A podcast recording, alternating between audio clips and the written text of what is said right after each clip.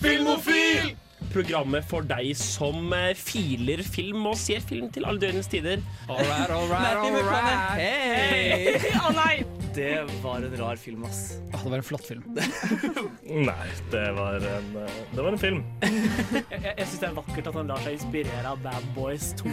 Og for meg så elsker jeg trashy Netflix-film. Nei! Du hører på Filmofil på Radio Revolt.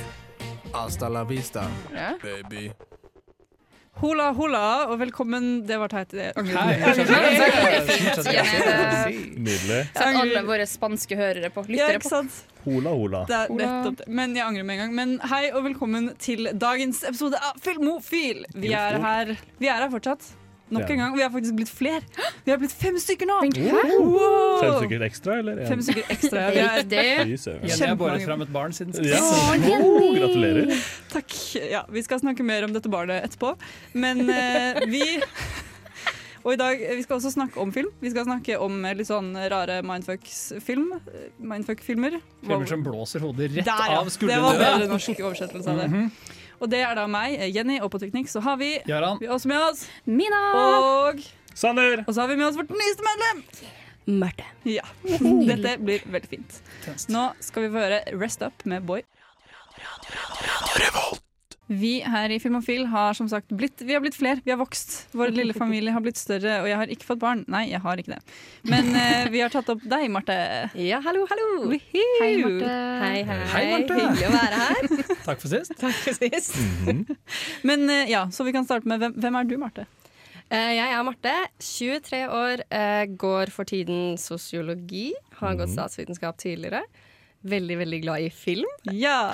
Det hjelper. altså. Ja, det gjør det. Gjør Det som er så sykt, er at hver gang vi tar opp et nytt medlem, så blir vi like sjokkert. ja. Det er sånn Oi, liker du film? Vi, vi, vi stiller jo aldri spørsmål om det til Hvem skulle trodd? Ja. Bakgrunnssjekk, det gjør vi veldig beleilig. Ja, ja, ja, ja. Jeg også syns det. Veldig glad for å være her med felles filmelskere. Men eh, når vi først er inne på film, da. Hva slags film er det du ser? Og det er mye forskjellig. Eh, det er alt fra skal vi si, sånn mindfuck-filmer, som vi skal snakke om i dag. Det er veldig, veldig gøy. Eh, litt sånn eh, heartfelt filmer. Sånn du rører deg skikkelig. Veldig glad i å grine. Griner Ja. med en gang. Altså, ikke sånn feel good-filmer, men mer sånn Jeg skal føle ting! Ja, jeg er veldig glad i å føle ting. Om det er redsel i skrekkfilm, er veldig glad i skrekkfilmer. Hater det der og da. Eh, men får sånn kick av det etterpå. Så det er mye forskjellig det går i. Nei, nei, Det lover liker vi. Ja. Er det noe du har sett i det siste, da? Uh, ja, altså Ganske mye, egentlig. Jeg så nå i, tolk, nå i helga så, så jeg Tolkien. Den Oh, filmen ja. Dokumentar? Ja. Ja, uh, Eller Nei, dokumentar, nei, den, den- Den bio. Ja. ja. biografi. Den med. Nicholas Holt. Ja. Mm. Likte den veldig, veldig godt. Du gjorde det? Ja, For den har fått fått veldig mye hets, har den ikke det? Jeg tror ja, Tolkien-familien- studio her har den fått Nei, litt ingen av oss eh, har sett den. Har Vi har snakket om den på Ja. nyhetene bare, men vi har ja, ikke ja. Men Tolkien-familien hørte jeg var litt negative til den. Ja, Men jeg tror det var noen ting i den filmen som var litt sånn off sånn faktamessig. mm. Så, hvor de hadde tatt seg litt kunstneriske friheter som kanskje Som ikke var ofte skjer i Ja. biopics. Men uh, jeg syns altså, sånn gjennomført så var den veldig bra. For det, du så den kanskje mer interessert som en fan av Ringenes herre-filmene? Absolutt. Så da går du jo og leter etter folk i livet hans som kan, etter, som kan liksom være inspirasjonen hans til de Han var venn med en kortvokst fyr! Det er Gimli! Veldig høy det er Gandalf! Ja, så det, det ja, Nei, jeg syns den var veldig, veldig koselig å se. Han drepte en fyr i en bakgåte. Det er Sauron! Riktig. Det er hele, det er hele biopicen, egentlig. Ja, ja. Mm, basically. Fordi jeg så ikke den fordi jeg, trodde, jeg, jeg følte at den hadde fått så mye hets at den ikke var noe bra. Men Mm. da kanskje Ja, for jeg venta ganske lenge med å se den, fordi jeg har vært litt sånn Hva slags film er dette? Men så tenkte jeg sånn, ja, hvorfor ikke? Og så ble jeg veldig positivt overraska. Liker jo alltid Nick Holt, da. Ja, han er veldig flink. Han er veldig flott. Og veldig kjekk. Ja. Det er bra du skjønner meg, Aran. Mm. Mm. Men er det noe mer du har sett som du har lyst til å trekke fram? Når du først, har, når du først står her og skinner i sollyset? Ja, å faktisk. Jeg så Hunt for the Wilder People. Ja! Jeg gjorde det. Vi, vi snakket jo om den på intervjuet mitt, for jeg er veldig glad i Taika Watiti. eh, og jeg tror nesten jeg har fått en ny favorittfilm. Den var, den var så så nydelig. fantastisk. Og Crazy Sam Ja. er Åh, han var den beste. Den er ordentlig søt, men også veldig gangster, syns du ja. det? Hva er det det står på omslaget? Sånn 'Nature just got get gangster. Double gangster. Du måtte si det, ja. Jeg elsker det. Jeg elsker når han kiden sier gangsta. Det er det jeg vet. Det er jo, for han er jo skikkelig gangster. Han er the real gangster. Yes. Ja, Det var Marte. Det er nok- nok av deg, nå kan du gå. Da. Men eh, vi andre skal snakke om hva vi har sett siden sist etterpå. Men Mhm. først skal vi få høre Hold ut med Leken lett. Hei, jeg heter Roar Uthaug, og du hører på Filmofil på Radio Revolt. Vi har, vi har Hei. Ja. Vi har sett film siden sist, eller serie, eller hva man vil. Mina, hva, hva vil du undervise oss med i dag? Jeg har sett så ekstremt lite. Jeg har ikke sett eh, pensumfilmene mine ennå, for jeg tenkte jeg skulle spare dem til i morgen. Stor tabbe. Ja, for det er det i morgen du har uh, forelesning. ja. men det er et annet fag. Det i morgen jeg har filmvisning på en av de to filmene, så det, det går fint. Det går fint. Men jeg har sett, eh, som eh, våre faste lyttere sikkert har fått med seg, at jeg har nevnt én eller to eller tre ganger før. Eh, jeg ser en del på DND, altså Dungeons and Dragons. Live, eh, ikke live, da, men eh, det er eh, pre-recorded streaming. Så ikke, ikke pornokategorien Dixon Dudes, Nei, for det ser jeg veldig mye men det er ganske likt. Ja, ja det, vet du hva, der er jeg enig. Ja. Til tider så kan det bli litt uh... Svette karer i en kjeller. Så jeg har kommet over College Humor sin Dimension 20. Eller det er ikke College Humor sin, men det er liksom en side dropout. Mm. Uh, college Humor finnes jo teknisk sett ikke lenger. Men det er en ekstremt bra eh, serie med Ja. DND campaigns. Helt, helt enig. ja. Uh, Brennan Lee Mulligan en så bra DM, og spillerne er nydelige, og jeg er så forelska i Ally, Ally Birdsley. Ja. De er fantastiske. Hvor mye av tiden din har du brukt på det her, Mina? Um, Meste, jeg har sett hele sånn Fantasy High-kampanjen, som er sånn hver episode på én til to timer, og jeg tror det er sånn ti til tolv episoder Ja. i hver sesong, og det er Flink. to sesonger. Det er film. Det er Men, film. men, Det er men flink. også, også for å Ja, det trekke det inn, akkurat den uh, første campaignen er veldig, ha, trekker veldig mye uh, inspirasjon fra sånn gamle, gode uh, fan, hva det, sånn high school Ja. musical-type. Det er veldig sånn 80-talls-esk, Å, ja. og det er så nydelig. De har en, The de Breakfast en Club, men med Ja. goblins, liksom. Riktig, for de alle sammen havner i detention første episoden, Yes. spoiler alert, Ja. og de blir angrepet av corn cuties. Ja, det, er- det er veldig mye fantastisk, og neste, se- hva heter det, neste sesong av det er uh, satt i ikke Ringenes herre-universet, hvor Ja. de spiller som den onde siden Ja. etter at Ringenes herre har skjedd. Altså etter at uh, oh, det høres skikkelig deprimerende ut. Sånn, Ringenes herre bare etter 9-11. ja, ja, Men det er, det, er, det, er helt, det er helt sykt fantastisk, hvor de bare prøver å eh, samle sammen et eh, falmende rike, da, rett og slett. Mm. Og så er det et fantastisk cast. Ja. Ally Birdsley. Mm. Nydelig. Nydelig person. Hvor er, det, hvor er det du ser dette her, egentlig? YouTube. YouTube. Uh, min sponsor to be. Ja, ikke sant? YouTube. YouTube. fortsatt på YouTube, YouTube. spons meg. Vær så snill. Vær så snill. Mm. Spons meg. Skal si det en gang til, Mina? YouTube, spons meg. Jeg er her. Jeg er ledig. Spons ja. Spons Mm. Men uh, Jaran, hva har du sett Hva har du sett siden sist? Når vi prater om det å se historien fra skurkenes perspektiv, så er dette veldig herlig, for jeg elsker en ny serie. Det er det verste jeg noensinne har sett i. Dette suger. Det er Netflix har plukket opp Cobra Kai, som Yeah. har det, det er en flyktning fra YouTube etter at YouTube Red, skipet, gikk ned. Husker dere. YouTube Red? Det er der jeg husker det fra! Ja, men jeg synes det var, var Ja! Cobra Kai hadde en sesong på YouTube Red, og så døde YouTube Red. Og da var det sånn Nå får vi aldri vite hva som skjer videre i Cobra Kai. Å nei! Nei. Men Netflix plukket opp og ga den ny sesong. Og for de som lurer, så er, er Cobra Kai eh, Karate Kid-rebooten ingen ba om. Ja. Eh, Cobra Kai fortsetter det eh, liksom i da, nåtiden, men med hovedkarakterene fra Karate Kid. Uh, Men den forteller historien fra, han, fra perspektivet til han bølla i den første Karate Kid-filmen. Han som, han som, han som uh, Daniel LaRusso uh, flykicker i trynet helt på slutten. ja, med en brokkefot. Ja. For et nederlag. Men uh, Du sier at ingen eh, spurte om den, men jeg er ganske sikker på at Barney Stinson i How Much Your Mother Akkurat det jeg på! eh, spurte om akkurat den. Serr? Han, en, en, en episode driver han og snakker om at eh, episode, mange episoder. Ja, hvor, hvor han snakker om at, at den gode i, i Karate Kid er Cobra Kai. Altså, ja. Det er derfor Han er det her real eksisterer. Det, det, det, men det, ja, kanskje, for dette er litt interessant. Cobra Kai er nemlig skikkelig ute å kjøre på alle de beste måtene. Det er et kompetent laget show, men det er sånn det begynner med uh, at han, uh, Johnny Lawrence, da, han som var han blonde bølla i eneren, han er sånn ah, livet mitt suger, jeg piket i high school helt til, helt til han, han eh, innflytteren sparka meg i trynet og ingen hadde respekt for meg lenger. Så liksom, han bare, Ingen respekterer han, han bare jobber sånn skittig vaktmesterjobb hvor ingen respekterer han. Han bare sånn, jeg får ingen respekt, sønnen min respekterer meg ikke, jeg er skyld. Alt suger. Og så gjennom Gjennom veldig aggressiv vold. Liksom Han når et punkt hvor han får nok, så han bestemmer seg for å ta opp igjen karate. Og gjennom å banke opp folk jevnlig, i- med den Cobra Kai-mentaliteten som er liksom 'strike first, no mercy', så får han tilbake selvrespekten, og så lærer han en haug med sånn high school eh, også få selvrespekt, men gjennom å banke opp bøllene sine. Fordi Miyagi i Karate Kid han er jo sånn Nei, Daniel-san. Karate er i hjertet. Yeah. Mens her, her mens Johnny Lawrence er sånn Karate er i fisten. ja, og alt er sånn, alt er sånn Faen, blir du mobba på skolen? Det var jævlig leit. Din jævla fitte. Du er feigler! Du må banke opp, skjønner du? Det er sånn, det er ingen gode takeaways her, men den har på en måte strukturen til et vanlig sånn eh, far-sønn-mentorship eh. Det er skikkelig rart. Men som en eh, en uh, Jeg tenker å si certified martial art artist. Jeg er så Er sertifisert. dødelig våpen? Ja, de er det. Så liksom, det å banke opp folk, det, er- det er jævlig digg, altså. Så jeg forstår, jeg forstår. bare, hvis at det, bare hvis at alle sammen uh, har konsent, da.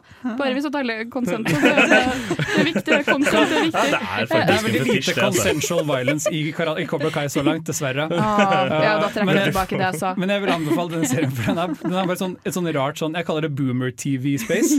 Det føles som den er skrevet av nærmest som det er Alle millennialsene i det showet er konstant sånn De er bare tapere som har astma. Og det er en scene der hvor, hvor, sier OK hvor- boomers og blir bare dratt hvor Johnny Lawrence er sånn han sier til denne kid sånn, har du astma? Hvis du er Cobra Kai, har du ikke astma? Så tar han bare inhaleren og så pælmer han i veggen. Og så, så er det, er ikke sånn astma funker. Det er kjempegøy. Kan Er han, kan han si det til meg òg? Det er sånn 30 minutter per episode. Å, gud. Jeg er nesten ferdig med sesong én. Jeg, ser, øh, det er sånn, jeg har ledd Er det sånn flere sesonger? Det er to To sesonger. Oh, Ja. Den andre sesongen kom nettopp ut på Netflix. sant? oh, ja. Ja. Så den andre er den nye? Den første har vært der en stund, liksom? Jeg tror den var på første YouTube. var på YouTube. var på YouTube, ja? Okay. Ok. Ja. Ja, for det er den som liksom driver og har masse reklamer overalt på YouTube nå? Nei, Ja. på Netflix. Med sånne sånn fine pastellfarger. Ser så nydelig ut, den filmen. Ja. Ser så fantastisk ut. Men er slåssinga bra? Uh, Så langt så har den vært ganske decent. Ja. Altså, de, de folka her kan jo karate, tror jeg. Jeg håper det. jeg håper det. De burde jo det når de skal liksom lære bort. Ja. Det er. Det aller siste jeg vil si er at jeg har sett en god ting også. Det er en sånn såkalt novellefilm, den er ute på NRK nå, så folk bør sjekke den ut før den forsvinner. Mm. Den heter 'Lyset fra sjokoladefabrikken'. Det er en skikkelig god norsk film. Det er den første norske filmen jeg har sett noensinne, tror jeg, som har truffet meg sånn skikkelig hardt. Mm. Hvor jeg er sånn Dette føltes ekte. Og, og levd. Så det er veldig mye rå, rå følelser rundt det der. Da. Det anbefaler jeg På NRK. NRK. Og den handler ikke om Nidar-lyset, Nei, det gjør det som alltid er defekt. Ikke sant? Men ja. vi har også vært på kino. Ja. Vi har sett Tenant. Te ten Tenet, ikke Tenet. Tenant. Ja. David Tennant. Nå har vi alle endelig sett den, bortsett fra Marte, da. Ja. Jeg skal se den. Ja. Skal se. Men uh, den, uh, den, den, den, den, var, ja, den, var bra, den var bra. Var bra. Men uh, nå skal vi få høre The Plan av Travis Scott, før vi snakker mer. Vi er tilbake, og vi har sett film og serier.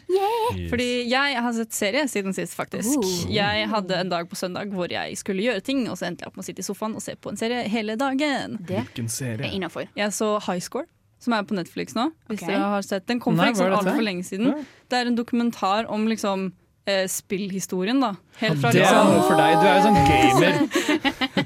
Men den var fordi jeg, jeg så at den kom på Netflix, og var sånn Ho, dette her virket litt interessant. Ho, ho, ho, ho og, så, og så så jeg den, fikk jeg endelig sett den nå, da, og den var veldig bra. Ja. Den var, for den tar for seg hele, liksom, hele spillhistorien fra liksom, tidlig 8-bit arcade. ja, til hele Sega. Nintendo-striden og liksom Dungeons and Dragons, hvordan det ble en greie. Hvordan sånne spill kom inn i bildet. Og så Nice. slutter den liksom opp mot Doom og når det ble laget, og Oh. 3D-grafikk og litt sånne ting. Nice, Og den var skikkelig nice. interessant, og de hadde laget den på en skikkelig kul måte. For det var særlig sånn i starten, så når de har liksom intervjuer med disse spill, eh, spillfolka, holdt jeg på å si, spillutviklerne, Gamers. så har de liksom sånne shots hvor de bare står liksom på taket over Japan og ser liksom utover byen. Og så er det liksom Space Invaders-karakterene som kommer liksom til syne i himmelen. Å nei, det er jo den filmen Pixels! Det er jo Pixels! Du har jo ikke sett Men- High Score, du har sett Men Jenny var Kevin James her, for da det var dårlig nyhet til deg. Dette er ikke det er, og, og Tyrion Ja, Lannister. Peter Dinklage ja. er Pixels, faen altså. Men det er gjort på en bra måte, altså. Jeg lover det. Det er ikke, det er ikke, det er ikke pixels. Det er ikke sånn i det hele tatt. Men jeg syns den var veldig bra laget. Det er noen episoder som ikke er liksom de er litt tamme, men det er generelt en veldig god De har fortalt det veldig ryddig. Det er ikke sånn at du For jeg kan ikke så mye om spill. Jeg var mer interessert i å lære av å se denne serien. på en måte Hvis at du ser. D&D-episoden er dårlig, så banker jeg deg. Eller ikke. OK, det går bra. Det går bra. Ja. Men Jeg ja. tror ikke på, med bank på live radio, jeg lover. Var det ikke du sa som sa at det var ganske digg å banke opp folk? Jo, da, Jo, bare når det er konsent. Bare når det er konsentfull.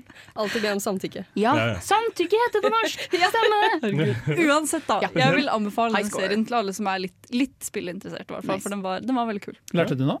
Jeg lærte masse. Men siden det er en sånn serie om spill, er det en bit der hvor liksom de begynner å prate om raseproblematikken i USA? Og, Det var overraskende lite av det. Tok dem opp det i D&D, for det er et tema som er i De D&D-miljøet De tok det opp når det kom til sportsspill.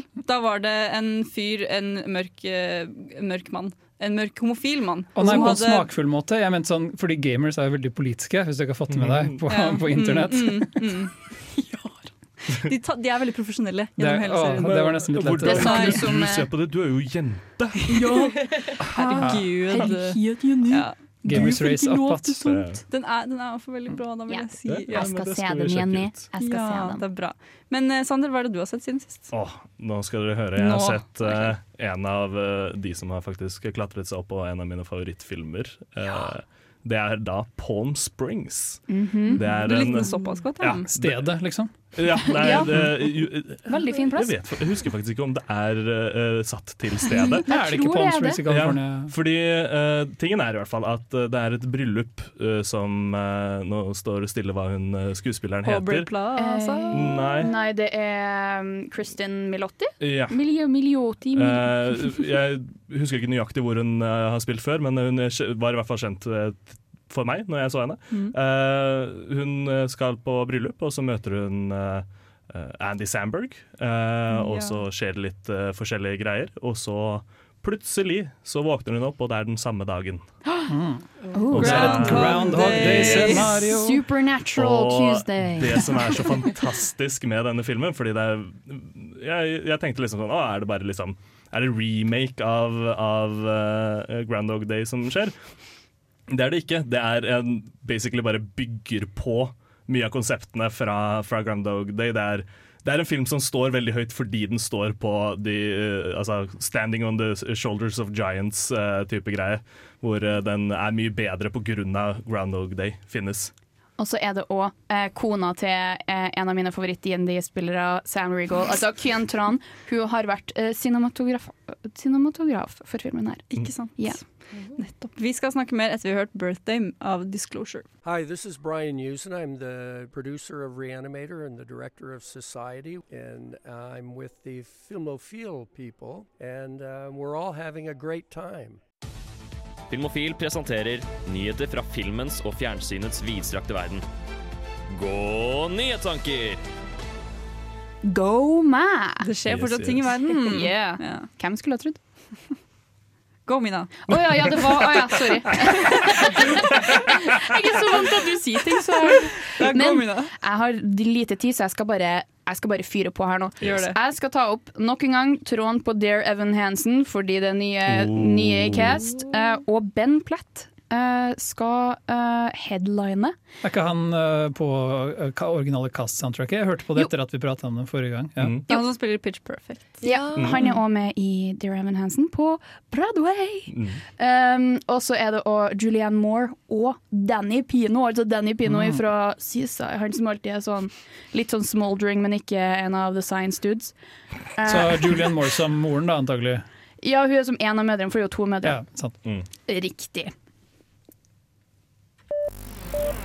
Så har vi òg eh, Gina Prince by the Wood. Hun som har regissert uh, The Old Guard, blant annet, nå i det siste. Hun har blitt satt inn til å regissere eh, en av de første episodene til um, ABC sitt nye program, som skal omhandle Civil Rights Movement. altså Black Lives Matter Ja. Um, eh, jeg husker ikke. ABCs Vi er woke, altså, program. Ja, ABCs Ja, vi mener det! ja, men den heter Women of the Movement og skal ta for seg um, viktige kvinner som har vært med og bidratt til det her um, movementet. så har jeg enda en Johnny Depp-nyhet, fordi han er jo i eh, rampelyset for tida. Mm. Uh, vi vet jo alle at han eh, er jo the big BBG, big bad guy. Uh. Spilte ikke, spilte ikke Johnny Depp den store stygge ulven i Into the Woods? Jo, det, det gjorde han. For jeg var Det sånn, han gjorde har, han. han har Ja. vært Big Bad Ja, Wolf i film. Ja, ja. Når du sa Big Bad, så var det sånn, han har vært Big det Bad er Wolf i et eller en av de få tingene jeg har um, Ja, det er det er ingen som husker. Into the Woods lenger. Jeg gjør det. Into the Woods. Gjør du det, Mina? Ja. Han kan hele sangen. Beans. Den er en bra musikal. Folk ser den, den er lang. Men Johnny Depp Han holder jo på med denne rettssaken. Um, Som vi alle vet om. Men han har nå eh, sendt inn dokumentasjon for å sette det her på pause, for han har jo hele den saken med at eh, han har den metoo-sida, Mm. eh, hvor hun har eh, vært slem mot han. Um, så han har sendt inn dokumenter for å få satt det på pause, sånn at eh, den fantastiske filmen eh, Fantastic Beasts 3 ikke skal bli delayed. Bu.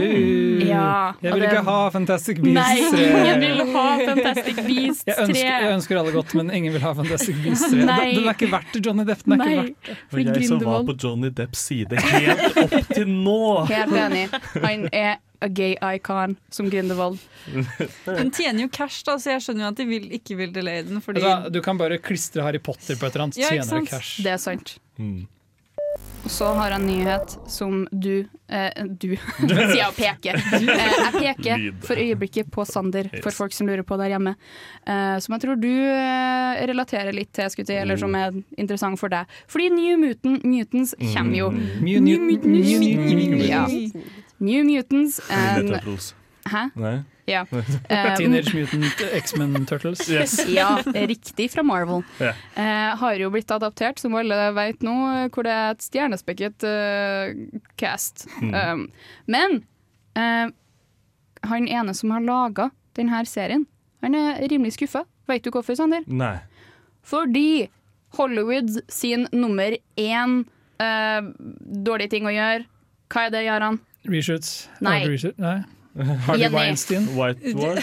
Ja, Sander! Du har rett, fordi det er en person of color i denne komikken som har blitt uh, whitewasha. Og bare for å Og strø jeg så fyren som lagde tegneserien til som New Mutants-filmen er basert på. Ja, Nå er jeg med, komikken. nå er jeg med, Ja. Unnskyld. Mm. OK. New Mutants. uh, en av co-creatorene av New Mutants, tegneserien, komikken. Han har en, eh, en eh, person av farge i eh, Men i Kommer hvert ikke den ut denne uka? Jo. Men bare for å eh, ta Den skulle kommet for tre år siden. I fjor, gjør han. Bare for å ta en sånn eh, saltstein og bare presse den inn i et lite sår og bare gjøre alt mye verre, så har de også klart å skrive navnet til denne co-creatoren, altså Bog... Bog.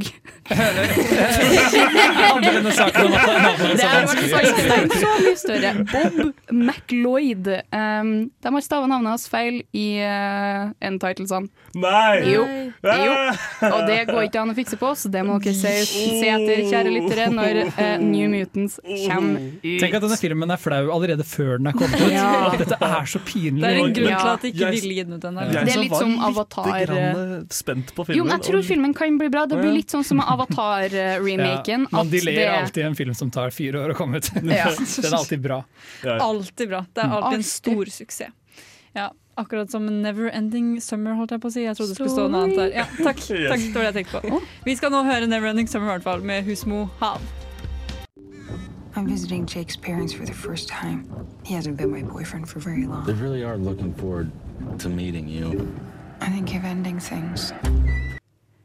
Eh, vi har eh, sett en film, vi, rett og slett. Fordi vi. temaet i dag det er, eh, valgte vi nettopp pga. at vi fikk se en film på Netflix som ikke har kommet ut enda. Kommer ut i morgen. Wow. Den har vi sett. Den heter I'm Thinking of Ending Things.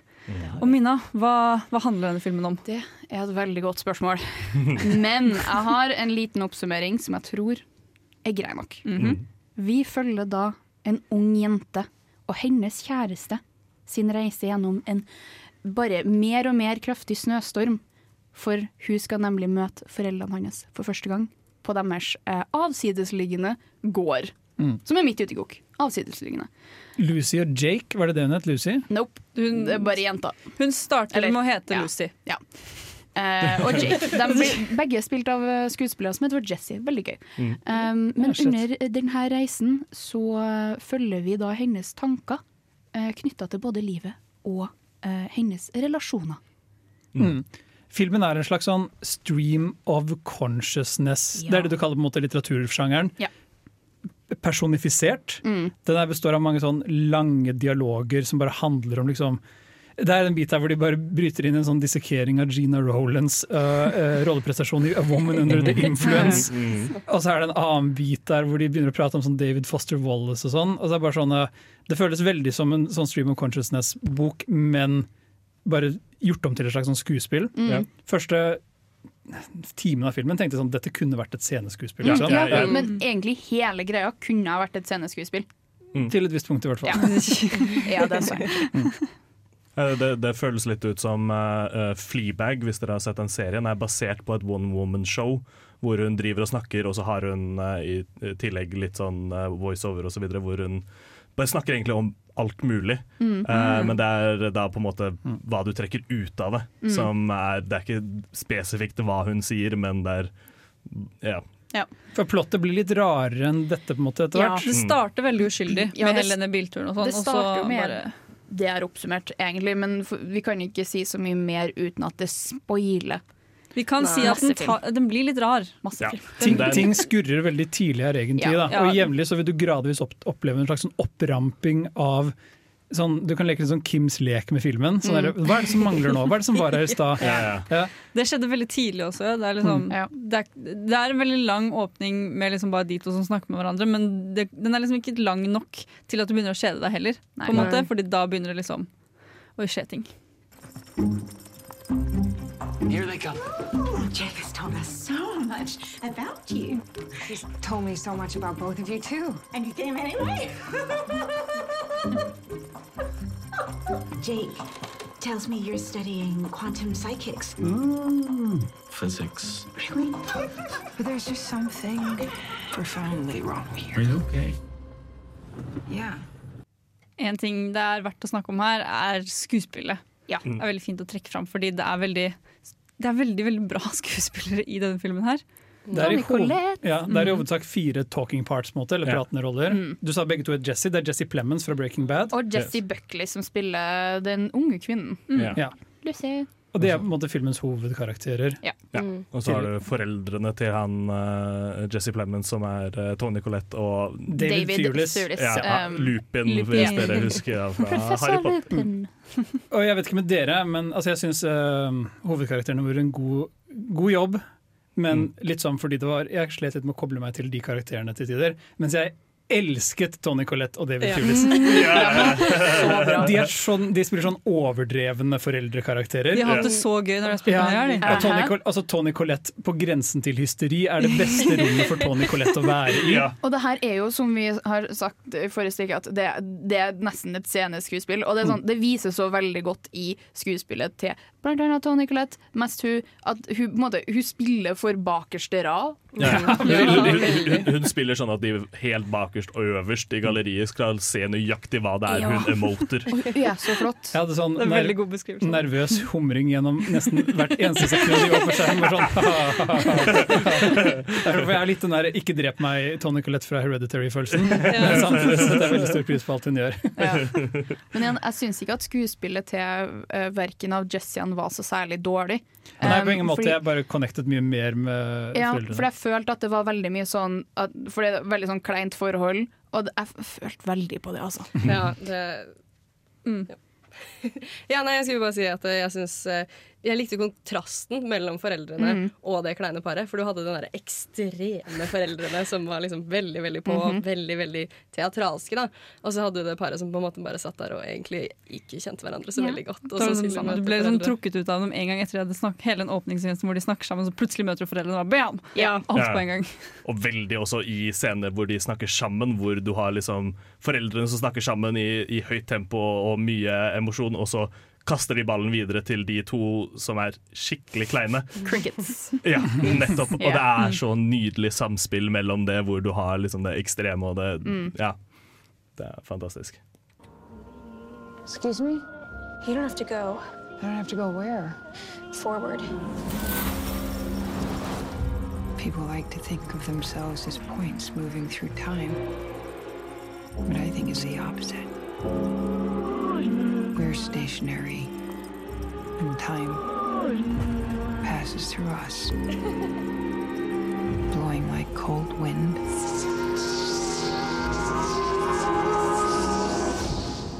Maybe this is how it was always going to end.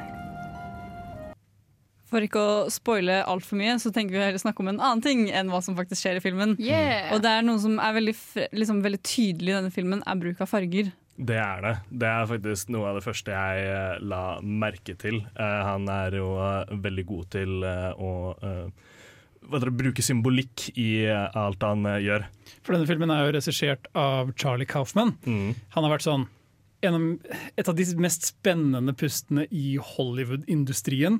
Han skrev først 'Being John Malkovich', Mm. så 'Adaptation', så 'Eternal Sunshine of Spotless Mind', så regisserte han 'Synecdoche in New York' og 'Anomalisa'. Han har på en måte alltid vært veldig fokusert på et sånn tragikomisk forhold mellom um, eh, det, det som er sånn, måte, det, han er veldig sånn, det er trist og leit å være menneske, men, vi Og er, litt merkelig. ja, men vi er i hvert fall in it together. Ja.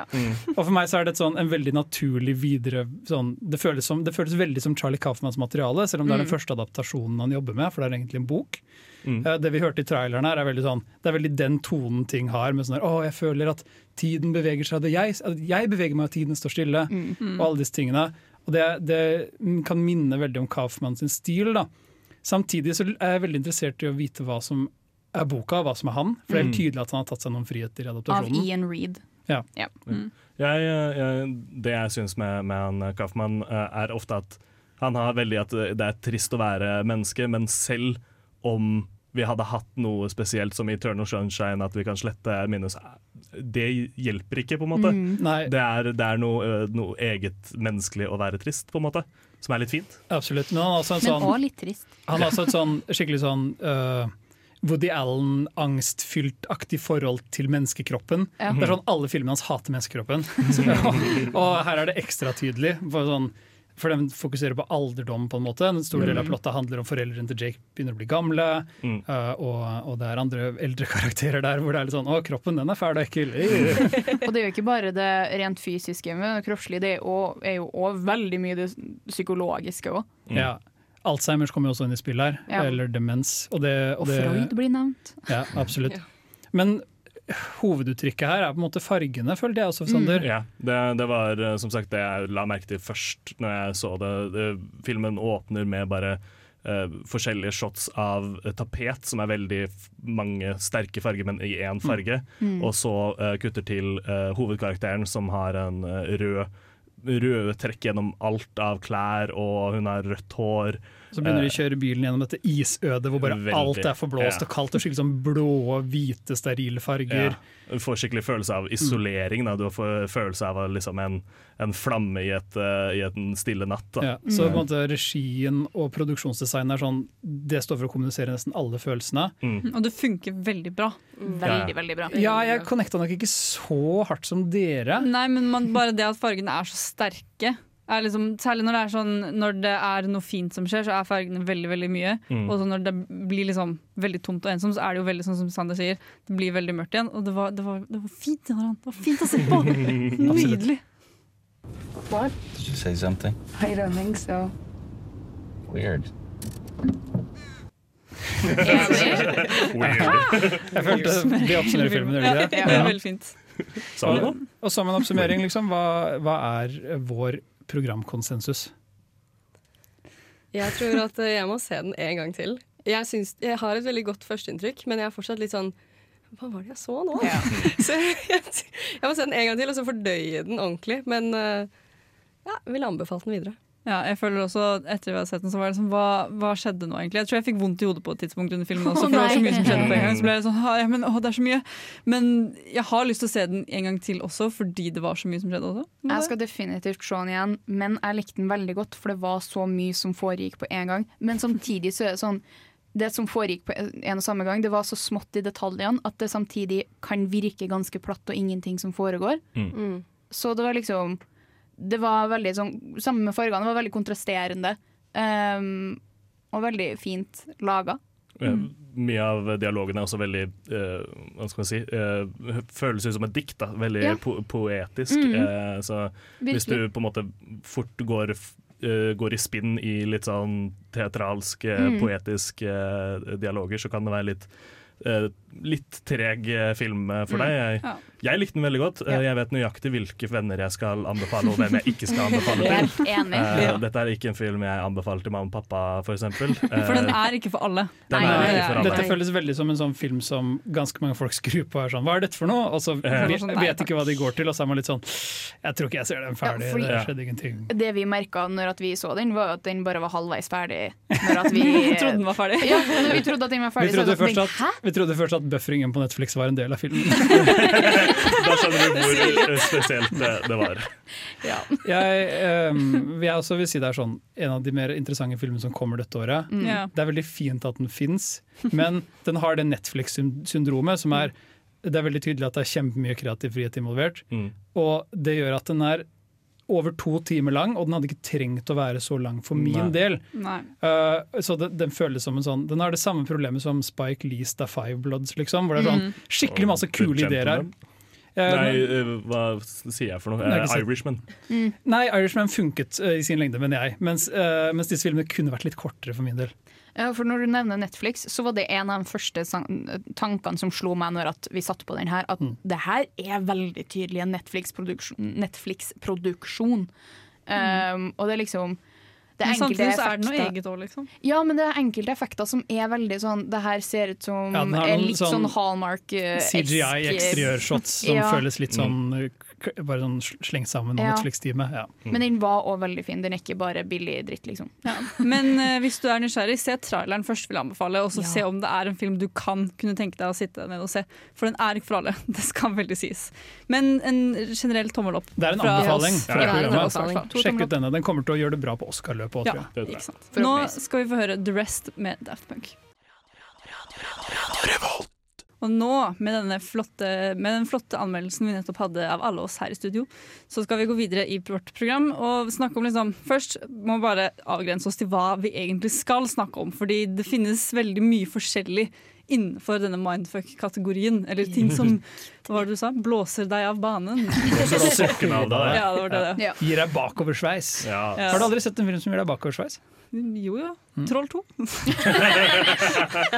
Jeg skulle ønske vi pratet om Troll 2. Åh, Men vi, hvorfor kan man ikke fin lage en film om karuseller? Å ja, blåser den bak. Ja, Det finnes. Ja, jeg føler det. Final det- det- Destination. ja, den også. Men det er ikke det vi skal prate om i dag. Nei, dessverre.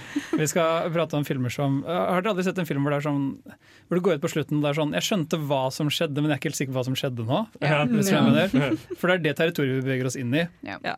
Men samtidig så er det Fordi du, du har Mindfucks-filmene som er liksom sånn du vet ikke helt hva, eller Det er plot twists, Mm. som også er liksom du sitter igjen med følelse av hva var det jeg nettopp så, men det er ikke der vi vil. Vi vil med på det psykologiske delen av, det, av disse filmene. Da, hvor det er mer sånn under hele filmen så lurer du på Det er, sånn, det er noe som skurrer her, eller det er noe som er litt rart. Mm. Og så bygger det seg bare, blir det bare rarere, egentlig. Mm. Nei, for vi skal liksom ikke inn på Hvis vi skal ta det litt ned, så er det ikke bare rene plot twist. Usual Suspects er en sånn film som folk ofte er sånn Wow, den blåste meg helt av gårde! Mm. Twisten der var helt sjuk! Spoilers er en twist i Usual Suspects. men men Nei, vi skal liksom Det er ikke bare sånne sjokktwister, men det er, det er mer den øh, følelsen av at man mister en slags sånn oversikt. Mm. Ja. Og, Og, hvor karakterene liksom spør spørsmål til sin egen eksistens og Ja. virkelighet også. Liksom. Ja, og at vi som tilskuer ikke helt vet hva universet, altså filmuniverset, Mm. hvordan det fungerer. Ja. Mm, så det er ikke helt Cloud Atlas, liksom, hvor det er masse plott som foregår på en og samme tid, og du sitter der sånn Ja, «Hæ, wait, hæ, Hva foregår her? Det er litt Nei. mer sånn litt mer psykologisk. At du sitter og venter eh, sånn Hæ, vent, hva er virkelig? Er det her ekte? Jeg vet ikke hva er ekte, men liksom Er det her karakteren sin virkelighet faktisk, eller hæ? Ikke sant. Og når vi snakker om det psykologiske, så er vi på en måte heller ikke på den psykadelika-siden av det. hvor Nei, er ikke sånn- Colorado Space Brunter. Nei, ikke, ikke Holy Mountain eller noe sånn uh, absurdisk Jodorowsky-greier. Liksom. Ja. Vi, vi er veldig klart på den biten som i hvert fall for meg, da, som fokuserer på den subjektive opplevelsen til en karakter. Mm. Forrige uke så pratet vi om Memento. Mm. Og Memento er sånn erkeeksempler på hvordan kommunisere en subjektiv opplevelse. Mhm. Men den uh, begynner aldri å sette liksom, spørsmål rundt virkeligheten utenfor hovedkarakterens uh, eh, Eksistens. Ja. Ja. Mens her er det sånn, se for deg Memento, men Lenny finnes ikke. ja, nettopp. Akkurat sånn. Vi skal, om, vi skal komme med flere eksempler, litt mer konkrete eksempler på hva vi egentlig mener. Og så skal vi ta dere gjennom alt herligheten av disse, alle, alle herlighetene av disse filmene. Rett og slett. Det blir bra. Men først skal vi få høre Dark Hearts med- av Annie. Hi, it's Tony DeCino here, writer and director of The Furies, and you are listening to Film O Men Mina, Mina, hvorfor syns vi det er interessant å snakke om disse Mindfucks-filmene? Det er jo fordi at det fucker with our mind. Men det er jo en Eneste um, stedet man blir fucka, si. Ja. Er det en Serbian film-referanse? Men det er jo faktisk eh, hva det heter det, forska på psykologisk at mennesker liker å se filmer hvor de blir lurt. Det er jo hele basisen til Eller grunnlegget til filmskaping. At du lager filmer som bygger opp til noe, og så skal du bygge opp hele filmen for å lure pub publikum til å tro at den filmen går en vei, og så det sånn Ha! Lurt deg! Altså, filmens i, i Bond natur er jo at den er et triks. Ja, ikke sant? Altså, uh, Ingmar Bergman sa sånn Hvis du ser en film som er to timer lang, så har du sittet gjennom jeg tror den sa sånn ti minutter med bare svart Mm. mellom Mm. hvert bilde. Mm. Og det er veldig artig. Sånn, filmen er et triks i seg selv, Ja. og dette kan man bygge videre på den ideen. Jeg vet ikke. Ja. Mm. Det er jo litt med det at Og så er det jo jeg vet ikke om du sa det nå, men det at man sitter igjen og ikke vet hva som har skjedd. Det Ja, setter jo i gang, inne på det i sted. ja, man setter jo i gang en god del tanker. Um, hvor liksom, sånn som med um, Vi skal vel snakke om den senere? Mm. Ukas film Nei, ja, vi skal snakke om den etterpå. Den setter jo i gang tanker etter er? Hvilken film snakker du om? Jo, men hvor du liksom sitter og tenker hvilket, eh, hvilket plane of existence er vi på nå? Ja. Jeg, jeg, jeg liker veldig godt å komme ut av kinosalen eller når vi er ferdig med filmen og kunne snakke om Ja. filmen og ha forskjellige synspunkt på hva er det som egentlig skjedde, Mm. istedenfor bare sånn Ant-Man 2 hvor det bare ja, Husker du det skjedde? Ja, det husker jeg det skjedde. Ja, men det sjuke med Ant-Man 2 er at det er sånn, jeg husker ingenting av Ant-Man 2. Han blir liten, og så løper han i gangene, og det er veldig morsomt. Liten, åh. Men for min del da, så er det sånn det er, det er, det er en grense der hvor, uh, hvor forvirra jeg kan bli av en Mm. film før jeg syns den er dårlig. liksom. For er hvis jeg sitter igjen og er sånn ja, men jeg vil ikke mer. Og det er sånn Alt er bare fælt, og jeg skjønner absolutt ingenting. Eller bare sånn jeg, Det bare Ja, en fucka med min hjerne. Sånn som 'Midtsommer' var litt sånn for meg. Jeg syns den var, jeg synes det var Syns du den var vanskelig å følge? Nei, men jeg syns den bare var så mye på en gang. Så Den var bare fæl på slutten. Og jeg satt der og jeg klarte ikke å gjøre noen ting. Jeg lå stille i sofaen i ti minutter, og pappa var sånn Skal vi se en til film? Jeg var sånn Nei! nei jeg kan ikke se filmen da. Et stikkord her kommer kanskje til å bli litt sånn mørk. Mørke filmer er ofte de som gjør dette med deg. Mm. Og det er jo av og til en grense for mange for hvor deprimert man orker å Ja, på en det bli i løpet av film. da. Så jeg tror det kan spille litt inn også, kanskje. Veldig. Ja. Og så tenker jeg, Hvis du har en god plott i filmen din, så vil du at publikum skal sitte igjen og føle seg litt smart, samtidig som at man har blitt helt lurt. Og det er problemet mitt med mindfuck-filmer, og grunnen til at jeg ikke ser på så mange mindfuck-filmer. fordi at jeg liker å forstå hva som skjer. Jeg liker å på en måte Sånn som med Tennet, at jeg la merke til en liten detalj og kunne liksom nudge bort til hun som satt ved siden av meg og bare ja, 'Det her skjer noe, det her kommer til å skje, tro meg, det kommer til å skje.' Og hun bare 'Tror ikke på deg.' Og så sitter jeg bare 'Hvordan så du det?' Det er som når du ser sånne mordmysterier, Ja. Poirot og sånn, ikke sant? så klarer du å gjette hvem som var morderen. Så blir det sånn Ja. ja. Det er litt sånn, Man liker å føle seg litt smart også. Ja, men da er det en drawback i med å se dem andre gang, når du vet hva som skjer. Men da, vet ve- da kan du også se hva er det, hvilke hint er det som faktisk ligger der, som jeg missa den første gangen. Ja. Hvilke Ja. Det er sant. Ja. Det er i hvert fall veldig, veldig, veldig rart og kult. Kul film. Som vi skal snakke masse om etterpå. Men først skal vi høre All Those Things, All Those things med Darag. Ukas eh, hjemmelekse som vi ga dere, var å se en film som kanskje hjalp å forklare litt hva vi egentlig mener med dette temaet. Og det var Jacobs Ladder. Og Som var... er så fint spoila i stad. Ja. Du gjorde ikke det, du sa jo ikke tittelen på den. Det var sånn, hva faen? Jeg sa den skikkelig kjapt. Mm. Ja. Men nå skal jo alle, nå skal jo alle ha sett den. Men hva er, det, hva er det denne handler om? For de som ikke har sett fulgt med på skolen. Holdt jeg på. Ja, okay. uh, vi møter Tim Robbins. Han er uh, Jacob Singer. I, Mm. eh, han er soldat i Vietnamkrigen.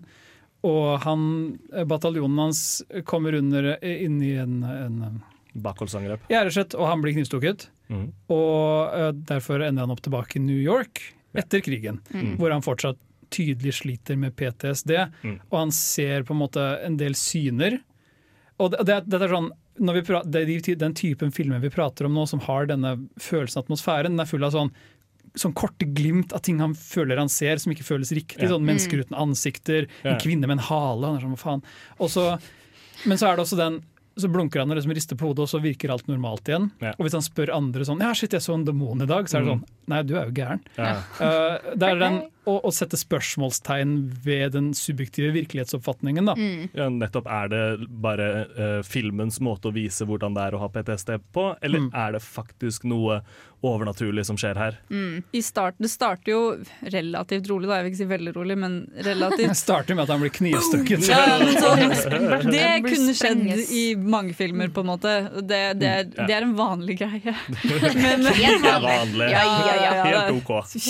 Null stress. Men det med at det begynner å skje ting, da, man begynner å se disse hodene som ikke helt stemmer, og sånn, det, det skjer veldig gradvis. Så Mm. man blir, det blir ikke sånn bare Pjam! Her var det mye som skjedde på en gang. Men det tar deg litt sånn mer Det gjennom det. da sniker seg opp Det på deg, liksom. det. Ja. Mm. Plutselig er hun dama der med den halen, og så blir man Ja. sånn Hva skjedde nå? Og den Er overordna strukturen til filmen er liksom uh, Jacob prøver å forstå hva som skjer rundt han, og så avdekker han en slags konspirasjon. Mm. Uh, og det føles veldig sånn relevant for den perioden, 90-tallet, som denne filmen ble laget på, hadde veldig mye sånn USA var fortsatt post Watergate, det er veldig hardt. Så, så der er, der, uh, filmen, filmen bruker liksom det som et sånn springbrett, men det den er blitt mest kjent for, er disse, de visuelle på en måte, skildringene av, av de panikkanfallene hans. Da, Mm. Som er veldig sånn creepy, og atmosfæren er skikkelig fæl. Og jeg elsker denne filmen. Ja, det, det er Eh, en veldig stemningsfilm. ja, og jeg er kjempesvak for sånn byen som en metafor for helvete.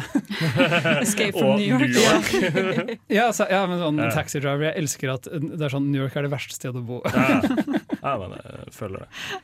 Det er jo ikke en subjektiv sannhet, det er jo en objektiv sannhet. Det er. Film kommuniserer det veldig bra for Ja. meg. Blir du med å flytte til New York, eller? Uh, ja, altså, ja. Jeg er veldig, veldig klar for det. Filmofil takes New York. Ja, det hadde vært gøy, altså. Nei, Og veldig urelatert. Men ja, men ja Jacob's Ladder er sånn Dette var en film for meg som jeg ble litt sånn Det var litt for mye av det gode. Jeg satt gjennom var liksom, det, det, det, det var mye som skjedde på en gang, men jeg vet ikke helt om jeg likte den så godt. Jeg likte den veldig godt. Ja, jeg synes Du prater om det at noen av filmene kan bli litt sånn føles litt for mye, litt for vage, Ja, med for få svar. Og det jeg liker veldig godt med Jacob's Ladder, er at den virkelig setter spørsmålstegn ved virkelighetsoppfatningen, men du kan alltid følge det som skjer gjennom. Mm. Og den beholder på en måte den emosjonelle kjernen veldig tydelig. Mm. Ja, Nei, på en måte Først og fremst så handler den egentlig om på en måte, sorgen til Tim Robbins karakter, da, opplevde Mm. jeg nå når jeg så den på nytt. Og det, Mm. og det rørte meg mye mer enn jeg trodde det skulle gjøre. Mm. Og jeg tenker, sånn som jeg sa i stad, at du, liksom, du føler deg Jeg følte meg i hvert fall litt smart mot slutten. Hvor det var sånn, Jeg hadde stått og vært sånn Hæ, vent, handler det her om Uten at jeg skal spoile filmen, handler det her om det her? Handler det om det temaet her? Jeg tror du sa det før den var ferdig. Sånn, det er det som skjer. Og så, Ja, og så sitter det på slutten, og så på en måte Den har en veldig god selvrealisasjon. Realisasjon? Ja, realisasjon. Mm. Ja, Self-realization. Mm. Ja. Vi skjønner Mina. Åpenbaringsøyeblikkene. For det må disse Ja. filmene ha. De må ha sånne De må, de, må ha, de må ha åpenbaringsøyeblikk som faktisk fenger publikum, Mm. og det er det ikke ofte at uh, filmer har. Nei, det var det, og det er ekstra viktig for sjangeren her. Det er litt fint at man skjønner noe. Ja. Ja. Vi skal nå få høre 'Fremtiden' av Musti. Hei, dette er Nikolai Kleve Broch. Eh, Jeg vil bare si, hør på Filmofil, så får du med deg mye bra stoff om film. Vi er fortsatt filmofil her på Radio Revolt og snakker om eh, rare filmer som gjør noe med hjernen vår. Og da er det litt interessant å nevne hvordan, hvordan vi endte opp med disse filmene som vi har i dag. For nå, jeg føler det skal litt mer til nå for at filmer skal blåse deg av banen, enn det det var før. For da var det mer, da kunne alt være sjokkerende, og du ble sånn wow! Vi er mye mer vant til filmtvisten nå, da. Ja. Mm. Tror jeg. Det er med det, ja. Ankler! Å, gud! Det i Ja. Det var For twisten, det. en mindfuck! Nei, men det, du, det som ble nevnt tidligere, er at, at filmens natur er å lure seeren. Mm. Fra å begynne med har egentlig vært tilfellet veldig lenge. Mm. En av de eldste filmene som har denne sånn mindfuck-tvisten hvor å, ingenting var egentlig ekte, alt var bare inni hodet til en fyr, det er sånn en tysk stumfilm fra 1915 som heter sånn uh, Das Kabinettes Caligari. Ja, ja, ja, ja, ja, ja. En flott Ja. uh, den er, det er sånn, Du kan se den på YouTube, den er en time lang. Den er sjokkerende bra. Mm. Uh, og og der, den har akkurat samme struktur nesten og twist som uh, Shutter Island til Martin Scorsese. Mhm. Fordi ingenting er jo originalt. Alle Nei, det er ikke for å drite på, på Shutter Island, som også er basert på en bok, tror jeg. Uh, men uh, men på en måte, dette har vart veldig lenge. da Opp gjennom Ja, årene så har det på en måte alltid vært et slags sånn trope Mm. som har uh, permiert hva skal vi si, filmen. Og jeg tror det har vært mye mer populært nå i det siste. Men det skal sies at det har ikke permittert per, permiert, eh, Har ikke vært veldig uh, uh, viktig i, i populærfilm. Eh, Nei, det har kanskje vært Nei, det er viktigere i artfilm. Det har vært mer litt sånn, ja, nisje... er jo, er jo veldig nisje. Ja. Ja, men dette- ja. Jo, Men det det, er sant. kan jo hende at det er for at folk ikke føler seg smart. Alle er ikke like klok som oss som er interessant, Nei, men sånn, interessert i film. Bergmanns persone er sånn en kjempeviktig film for dette med hvordan skildre virkelighetsoppfatning da, Mm. og det subjektive selve. Mm. Uh, som også er sånn en milepæl for filmhistorien. Film ville ikke vært det samme i dag uten Caligari, uten Persona. N- nei, Men, men man er ser jo- mer storsatsinger av det nå, da. For eksempel 'Midtsommer', som var veldig Ja, eh, men det er jo som i Caligari, er jo mer en film som blir satt på filmpensum enn en film man har sett. Ja, men det der er som 100 år gammel. da. Ja, ja, ja, ja. Den var ikke pensum for 100 år siden. Nei. Vi skal nå få høre GRB med, av Mormaid før vi snakker litt videre om et eksempel på dette. Når vi først eh, snakket litt om sånn, ja, hva skal jeg si, moderniseringen av denne twist-strukturen i film, så var det sånn cirka på 90-tallet dette begynte å, liksom, begynte å bli en greie, da. Ja. Med liksom rundt Fight Club og litt sånne ting. Ja, nettopp. Ja. ja, Fight Club er jo virkelig en sånn film. Jeg husker jeg satt igjen og var sånn Hæ? OK, nå må vi spole tilbake og så må vi se hvor dette her gir mening. Uten å spoile for mye, så er det jo Det er David Fincher, er det ikke det? Ja. Som har regissert den. Mm. Eh, og så er det jo Edward Norton, som ikke har noe navn. Eh, og Brad Pitt. Eh, og han ha- har han ikke søvnproblemer eller noe sånt? Han forsvinner, Ja, han mister tid. Edward Norton sin karakter har sånn uh, insomnia, tror jeg han Ja. sier selv. Mm. i hvert fall. Og så er det Brad Fight Pit. Brad Fight. Ja, Eh, problemet med Fight Club er kanskje at Brad Pitt ble for ikonisk for filmens eget beste. Ja, Han det tror jeg kanskje rett og slett for kul. Ja, litt. Det Han spiller jo skurken i filmen, egentlig. Ja, ja. Men han er sånn joker-syndrom, hvor alle er sånn Nei, han er skikkelig fet. Han ser jo ganske kul ut i filmen. da. han ser veldig er fin ut også. for egen. Det er bra du sier så fine ord til disse tingene. Der tror jeg første gangen vi har snakka om uh, søte, digge menn hvor jeg ikke har vært enig. Liker du ikke Brad Pitt? men ikke i, i Fight Club Nope. Ikke, Ikke engang? etter tvisten. Ikke når han banker opp Jared Leto, for det, det, Jo, det er faktisk Det, er litt, det, er litt, det sier du nå, for jeg liker Lared, Le Larry Leto. Yes. Men Fight Club, gutta! Ja, Fight Club. det er gutta. Ja. Det er skikkelig gutta. Veldig gutta film. Yes.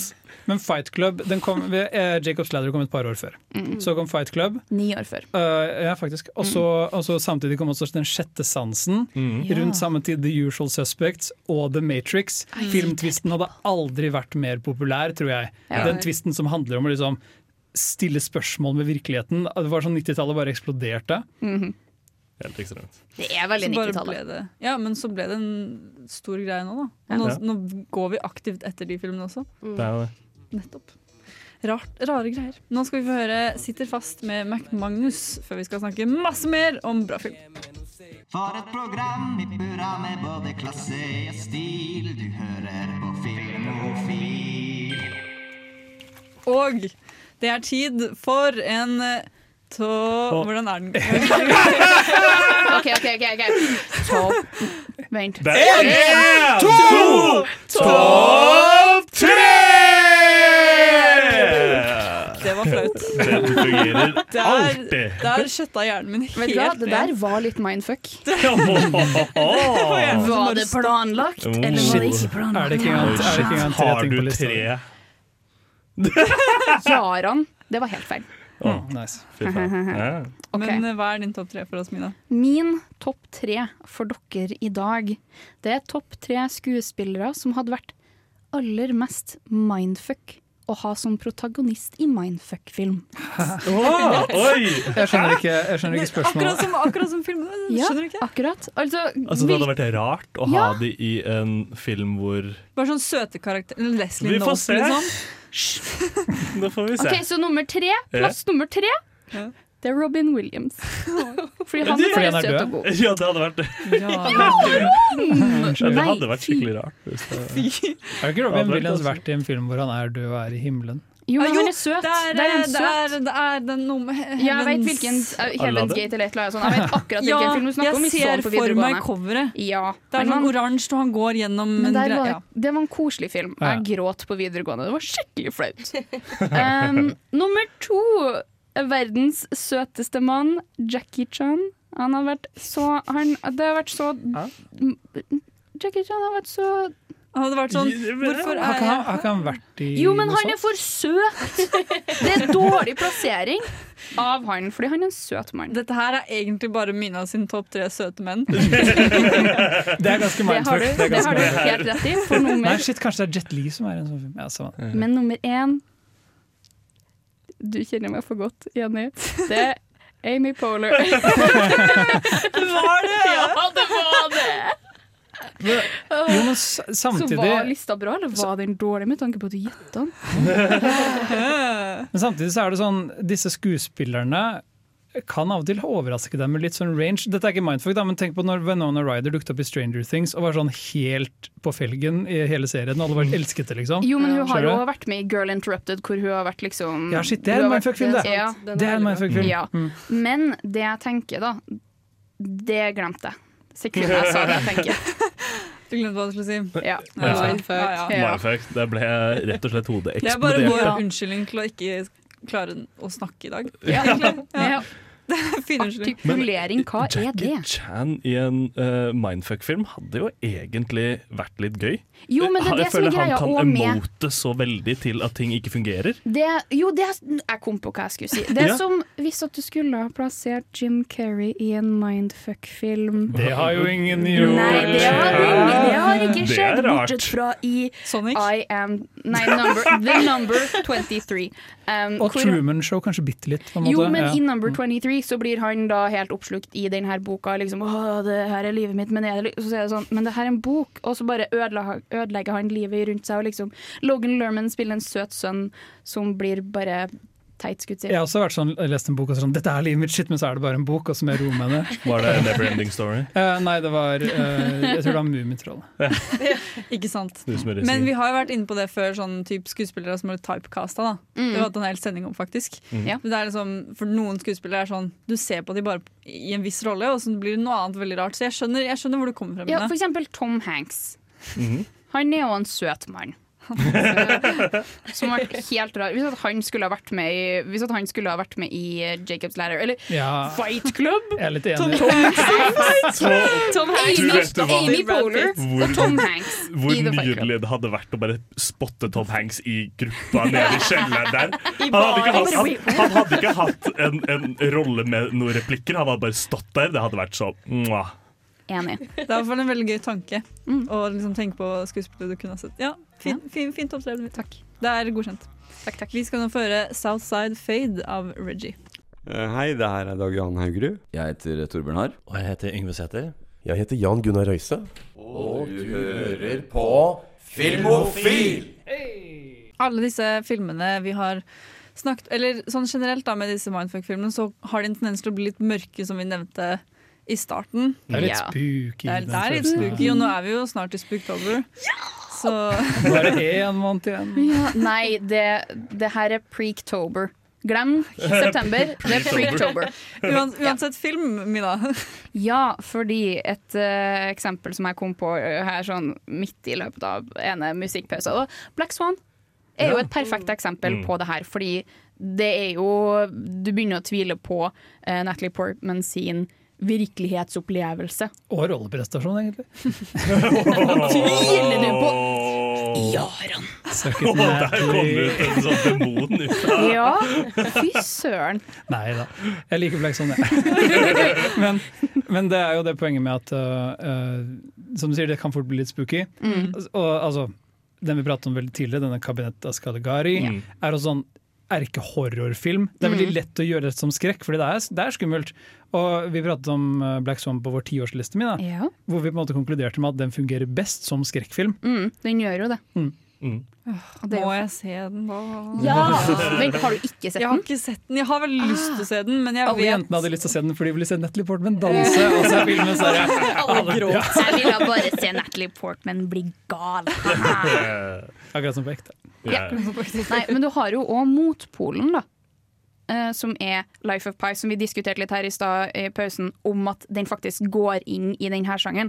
Og det mener jeg at den gjør, fordi er det her virkelig noe uh, Pia har opplevd, eller er det ikke det? Eller er det hans uh, måte å cope med Ja. uh, ensomhet eh, Og det er jo sjøen? akkurat samme med Black Swan, at det her er liksom Er det her virkeligheten hun opplever, eller er det faktisk noe supernatural på gang? På en måte, men i løpet av Black Swan så hele filmen handler om at noe er gærent. Ja, ja, ja. Skjønner du? Bla- eh, Det er sånn rare speilbilder, hun mister tid, hun våkner opp i senga sånn 'Hva skjedde i går?' Skjønner mm. du? Sånn, altså, det skjer jo av og til, men uh, Men tenker mens, mens i Life of Pi så funker hele filmen som en lineær narrativ, hvor du aldri tviler på hva det som skjer. Helt til på en måte filmen bare trekker teppet ut under deg Ja, men det i, det, i det, er det siste jeg mener, øyeblikk. det det jeg litt, mener litt med denne med dere um, uh, tvisten hvor du skal bli overraska. For i starten av Jo, men filmen Black Swan er et mysterium fra Ja, ja, ja, starten, måte, men i- mens Life of Pi var ikke et mysterium før den bare sånn Eller kanskje ikke! Men hele filmen starter jo med det faktum at det er en som skal komme og intervjue han her. Ja. Eh, og han sier OK, nå skal du få høre historien om mitt liv. Mm.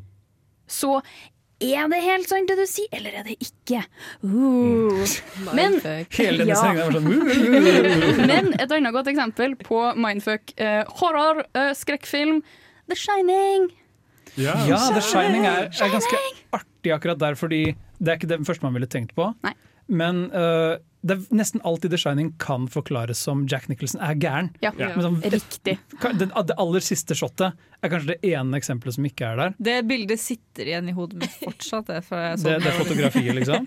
Ja, eller Nei. Nei, jeg det tenkte er det, når det, sitter i var- labyrinten og Ja, det er sånt. det var- I snøen. Det er forever Mm, Revealet på Shot of The Shining er jo at det var altså det er noe spooky som har skjedd, og så blir det Ja. enda mer shit, vanskelig å forstå hva det er som Nå har jeg bare Ja. sett de, teit, eller de mest skumle delene av The Shining. Da, sånn, Og du har ikke sett hele den? Jeg har ikke sett, jeg så, pappa viste den til meg da jeg var elleve år. Mina. Torbjørn! Men på norsk heter den jo Ondskapens hotell. Ja. Hvordan kunne han gjøre det? Ja, ja, men nok om meg og min traumatiske barndom. Men uh, ja, Shining Ja, fordi En annen film som relaterer litt til den her, er den Ryan Reynolds-filmen som jeg ikke husker på hva heter, men han må klatre opp på taket for å ta, dra ned dattera si. Det er en skrekkfilm. Um, Ryan? Ja, Ryan Hvor han må klatre opp på taket? Ja, Han blir gal, for de flytter inn til det huset, og så blir han gal. Mm, Det her ja, er- det her er sånn Christmas Vacation. Nei! Uh, det er Nei, det er sånn Ikke Cabin in the Woods. Hvilken film tenker Mina på nå? Men, okay, mens, Men- Mina, mens Mina tenker på dette, så er det ja. Jeg har en uh, som uh, jeg syns veldig få har sett, i forhold til hvor god jeg syns den er, i hvert fall. 'Horse Girl' er en film som kom ut Ja, den kom 2019. i fjor på Netflix eller noe. Jeg tror jeg hørte om ja. den. Eh, Alison Brie, hvis jeg ikke husker helt feil, uh, som er en veldig rolig, uh, stille jente. Hun jobber i en tekstilbutikk og eh, begynner å miste tid. Uh, og det er litt sånn forskjellige rare shots og uh, litt ting som kommer tilbake igjen senere i historien. Og du, uh, vi, du tror vi følger hennes uh, galskapsopplevelse, men etter hvert som du ser det, så føler du at du forstår det, men det gir ikke mening. Er Horse en sånn film som bruker det trikset vi pratet om tidligere, som, hvor hun er sånn 'Å, denne rare tingen skjedde', eller hun sier sånn 'Jeg opplevde noe rart', og så, og så sier folk sånn 'Nei, det skjedde ikke. Du var jo ikke der da'. Ja, Ja, altså, liksom. hun, hun blir jo da lagt inn, rett og slett. Mm. For dere som lurer på hvilken film jeg snakka om, det var The Amityville Horror. Og, men du tenker på remaken. Ja, med Ryan Reynolds. Stemmer det. Ja. Der, der blir han en sinna. Ja, fordi han, Det er sånn som med The Shining. De flytter inn dit, og Ryan Reynolds blir bare mer og mer aggressiv og sånn «Åh, Skal drape folk, og så blir dattera litt sånn lokka med av en uh, usett venn, men den er mer sånn spooky. spooky. Jo, men det er en horrorfilm som bruker det tropet. da. Ja. Mm, rett og slett. Nå skal vi få høre 24K av Tkai Maidza før vi snakker mer. Vi snakket her på Filmofil på Radio Revolt eh, litt tidligere om sånn eh, at Fight Club var med på å liksom starte en slags bølge innenfor denne mindfuck eh, blåse hatten av deg i kinosalen-type Mm. filmer. Og eh, det er flere som har plukket opp på denne bølgen. Da. Vi kan si det er mange som har regissører blant annet, som har liksom fått dette som et kjennetrekk. Og som vi, vi var inne på på topp, på topp tre, at det er liksom skuespillere som er kjent for å Ja, de, passer, de passer ja. til én rolle, da. Vi, Ja. har, vi har disse folkene som har klart å lage denne kategorien veldig, veldig bra. Jo, men når du prater om Fight Club, da, øh, rundt samme tid så hadde jo David Fincher en annen film som er ganske undersett, egentlig. Det er, det er litt trist, jeg syns den er skikkelig gøyal. Den heter The Game, med Michael Douglas, som handler om uh, en rik uh, businessmann som øh, han sliter med et eller annet i fortiden, det er litt vagt. Og så Mm. har han Sean Penn er broren hans, og han er ute og kjører litt. Og så, og så er Sean Penn sånn Shit, du må hjelpe meg, jeg er i skikkelig trøbbel. Mm. Og så viser seg at det trøbbelet kanskje ikke er akkurat det de gir seg ut for å være. da. Mm. Og Michael Douglas begynner, havner i en posisjon hvor han blir veldig usikker på hva som er ikke ekte. Ikke ekte.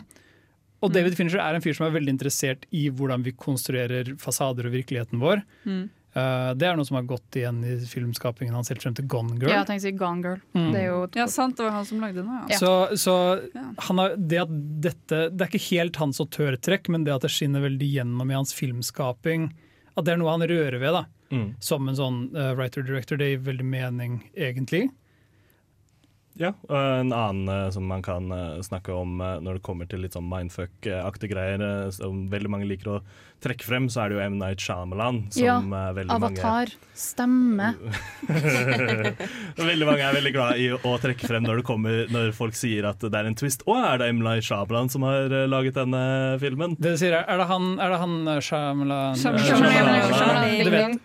Ja. Nettopp. Så han er jo en, en av de uh, filmskaperne som har fått det som kjennetrekk. Da. Det Han har jo vært eh, med på å definere den Ja. plottvist-sjangeren. Ja, men, men han har på en måte veldig twist-territoriet, hvor det ikke nødvendigvis handler om altså, Vi nevnte den sjette sansen tidligere, som en sånn, Mm. det er et godt eksempel på å faktisk stille spørsmål ved den subjektive opplevelsen. Mm. Men så ofte så er Shyamalan bare sånn Eller kanskje det ikke var sånn! Blø! Sånn Han har jo også en ny serie nå som er på Apple Pluss, den derre Servant. Mm. Den er veldig i det mindfuck-territoriet.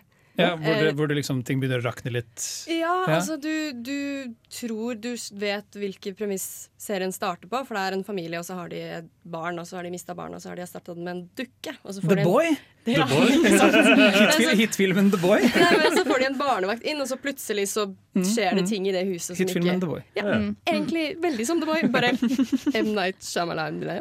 Smil. Egentlig så kunne jeg tenke meg å se M. Night Shyamalans The Boy. Ja. Det, Ja, ja, ja. det høres bedre ut enn The Boy. Han gjør det bra. Dette er ikke The Boy 2 heller. Ikke The Boy 2. En vi ikke kan la være å prate om, og som vi har klart å holde oss unna enn så lenge. eh, En fyr som eh, sikkert folk har vært litt sånn ja, Hvor blir det av David Lynch? Ja.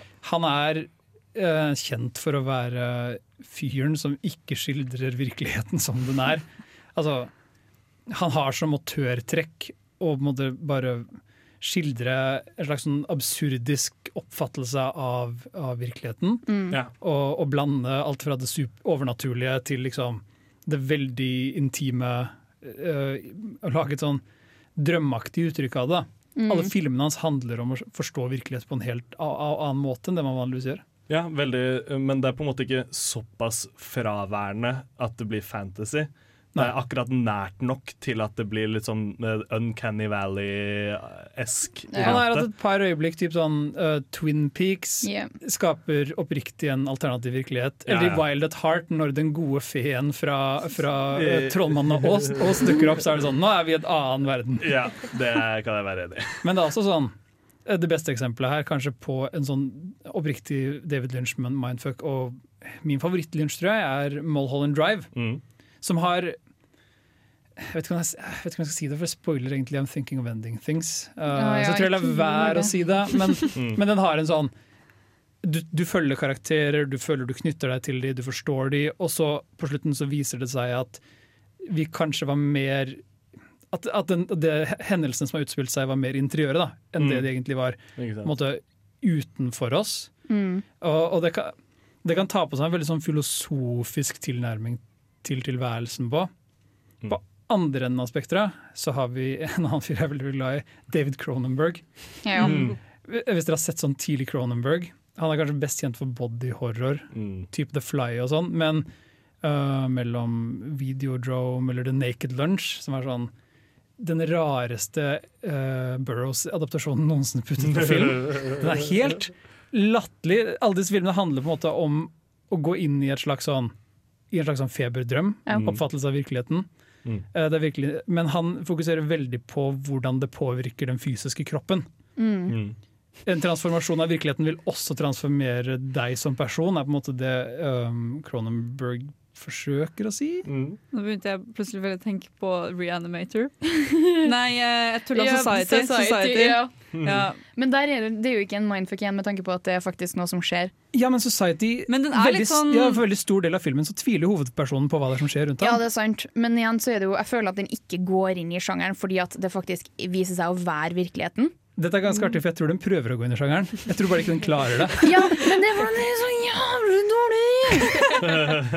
Den For folk jo som ikke hørte hva jeg sa der hjemme nå, det er fordi den er så veldig dårlig. Sensur. Vi må få en sånn blipelyd der. Så. Ja. Bare for mine. Jeg tenkte bare når jeg prater sånn helt random. det er gøy. Det er fordi jeg er trønder, det går bra. Men en ting jeg begynte å tenke på i sted, da vi snakket litt om serier og sånn, fordi sånne mm, mindfuck-territorier de er bra på film, men jeg tror det er lettere å gjøre det på serie. For jeg føler det skjer oftere i serier sånn sett, fordi da har du større univers å bygge det på. Serien stiller jo spørsmål med hva skal du gjøre etter, etter avsløringen. Det er sant. Når fil, I filmen så kommer avsløringen. Og så, Riverdale. ja, og så, Det er ikke sånn Westworld og sånn, er ikke de Legion? Legion yeah. er et kjempegodt eksempel på Mm. hvordan du faktisk gjør det, føler jeg. Ja, jeg synes de, de, eh, det, de klarte det på en ordentlig god måte. Jeg er veldig glad i Legion som en serie. Det er en serie som er i tre parter, og det, i hvert fall som jeg har forstått, så er det de tre partene det skal være. Ja. Mm. Hvor du har oppbyggingen om er det noe galt? Uh, det ser ut til at det er galt, eller var det egentlig galt? Uh, Både del én og to av Legion har veldig klarer begge to å få deg til å tvile på det som faktisk skjer. Yeah. Og det syns jeg er skikkelig imponerende. Mm. Mr. Robot også har jo en sånn Fight Club-twist i slutten av første sesong. Mm. Og så yeah. klarer de faktisk å fortsette historien Mm. på en måte som varer etter twisten. Mm. For som vi sier, I Fight Club så slutter de når twisten kommer. Da er på en måte historien over. Men det er jo rett og slett da, de, de tar jo opp hvordan er det en person klarer å eh, håndtere det at du har funnet ut at du har levd to liv, på en Ja. måte. Hvordan håndterer du det? Mr. Det er Robot klarer faen meg å lure deg en gang til. Da. Men da har du jo sammenligninger med eksempel Riverdale er jo ikke akkurat så veldig mindfuck, men det er uh, a clusterfuck som ikke klarer å på en måte samle seg for at det er konstant plot twists og Mm. liksom nye revelations og revelations og Nei, jeg har sett Riverdale, men har det kanskje litt sånn Society-symptomet? Hvor, hvor den skulle ønske den klarte det, men bare får det ikke helt til? Veldig. Ja. Ja, ok. Den prøver å være så smart. Men den er så dum, den. Ja. Den er så dum. Ja. De er så pene, alle sammen. Nei, de er åh, Dusteserie. jeg har veldig mange følelser mot Riverdale. Vet du hva? Enig. Ja, La oss bare avslutte på den noten, tenker jeg. Og nå skal vi få høre 'Friends' eh, av Lill Halima. Hei, mitt navn er Atle Antonsen. Du lytter til Filmofil på radio Revolt, og det gjør du helt til programmet er ferdig. For vi er dessverre ferdige å snakke for denne torsdagen. Men alle vi og Marte Yay! kommer tilbake neste uke. Og da tenkte vi skal ha en liten hedring til selveste Chadwick Boseman. Ja, fordi det er en nyhet vi eh, glansa fint over i starten av sendinga, fordi han har dessverre gått bort. Mm. Um, og av det så vil vi gjerne ha en hedring til skuespillere som gikk bort for tidlig. Ja, det blir, det blir en fin sending. Og da tenkte vi at ukas hjemmelekse er Black Panther. Ja. Som en slags ære til han, da. Ja. Mm. Så se Black Panther på nytt. Se, se på nytt. Jeg tror, jeg tror de fleste har sett den, men det er kanskje en stund siden. Den er like bra gang nummer to. Ja. Er? Gang Eller nummer tre. Eller fire. Se den på nytt og gråt. Det er lov. Det er greit å slippe ut dine følelser. Ja, for film. film. Men det kommer en anmeldelse av en annen film litt urelatert også, kanskje? Det, det kommer det. også. Marte skal se Dianas bryllup, og da Ja, får dere en fersk anmeldelse av den neste torsdag. Så da sier vi ha det fra oss i Filmofil, fra Jenny. Gjøran! Mina! Marte. Sander! Takk for oss! Og for film skal vi høre Sitt fast med Mac Magnus. Ha det bra! Ha det bra. Adjø.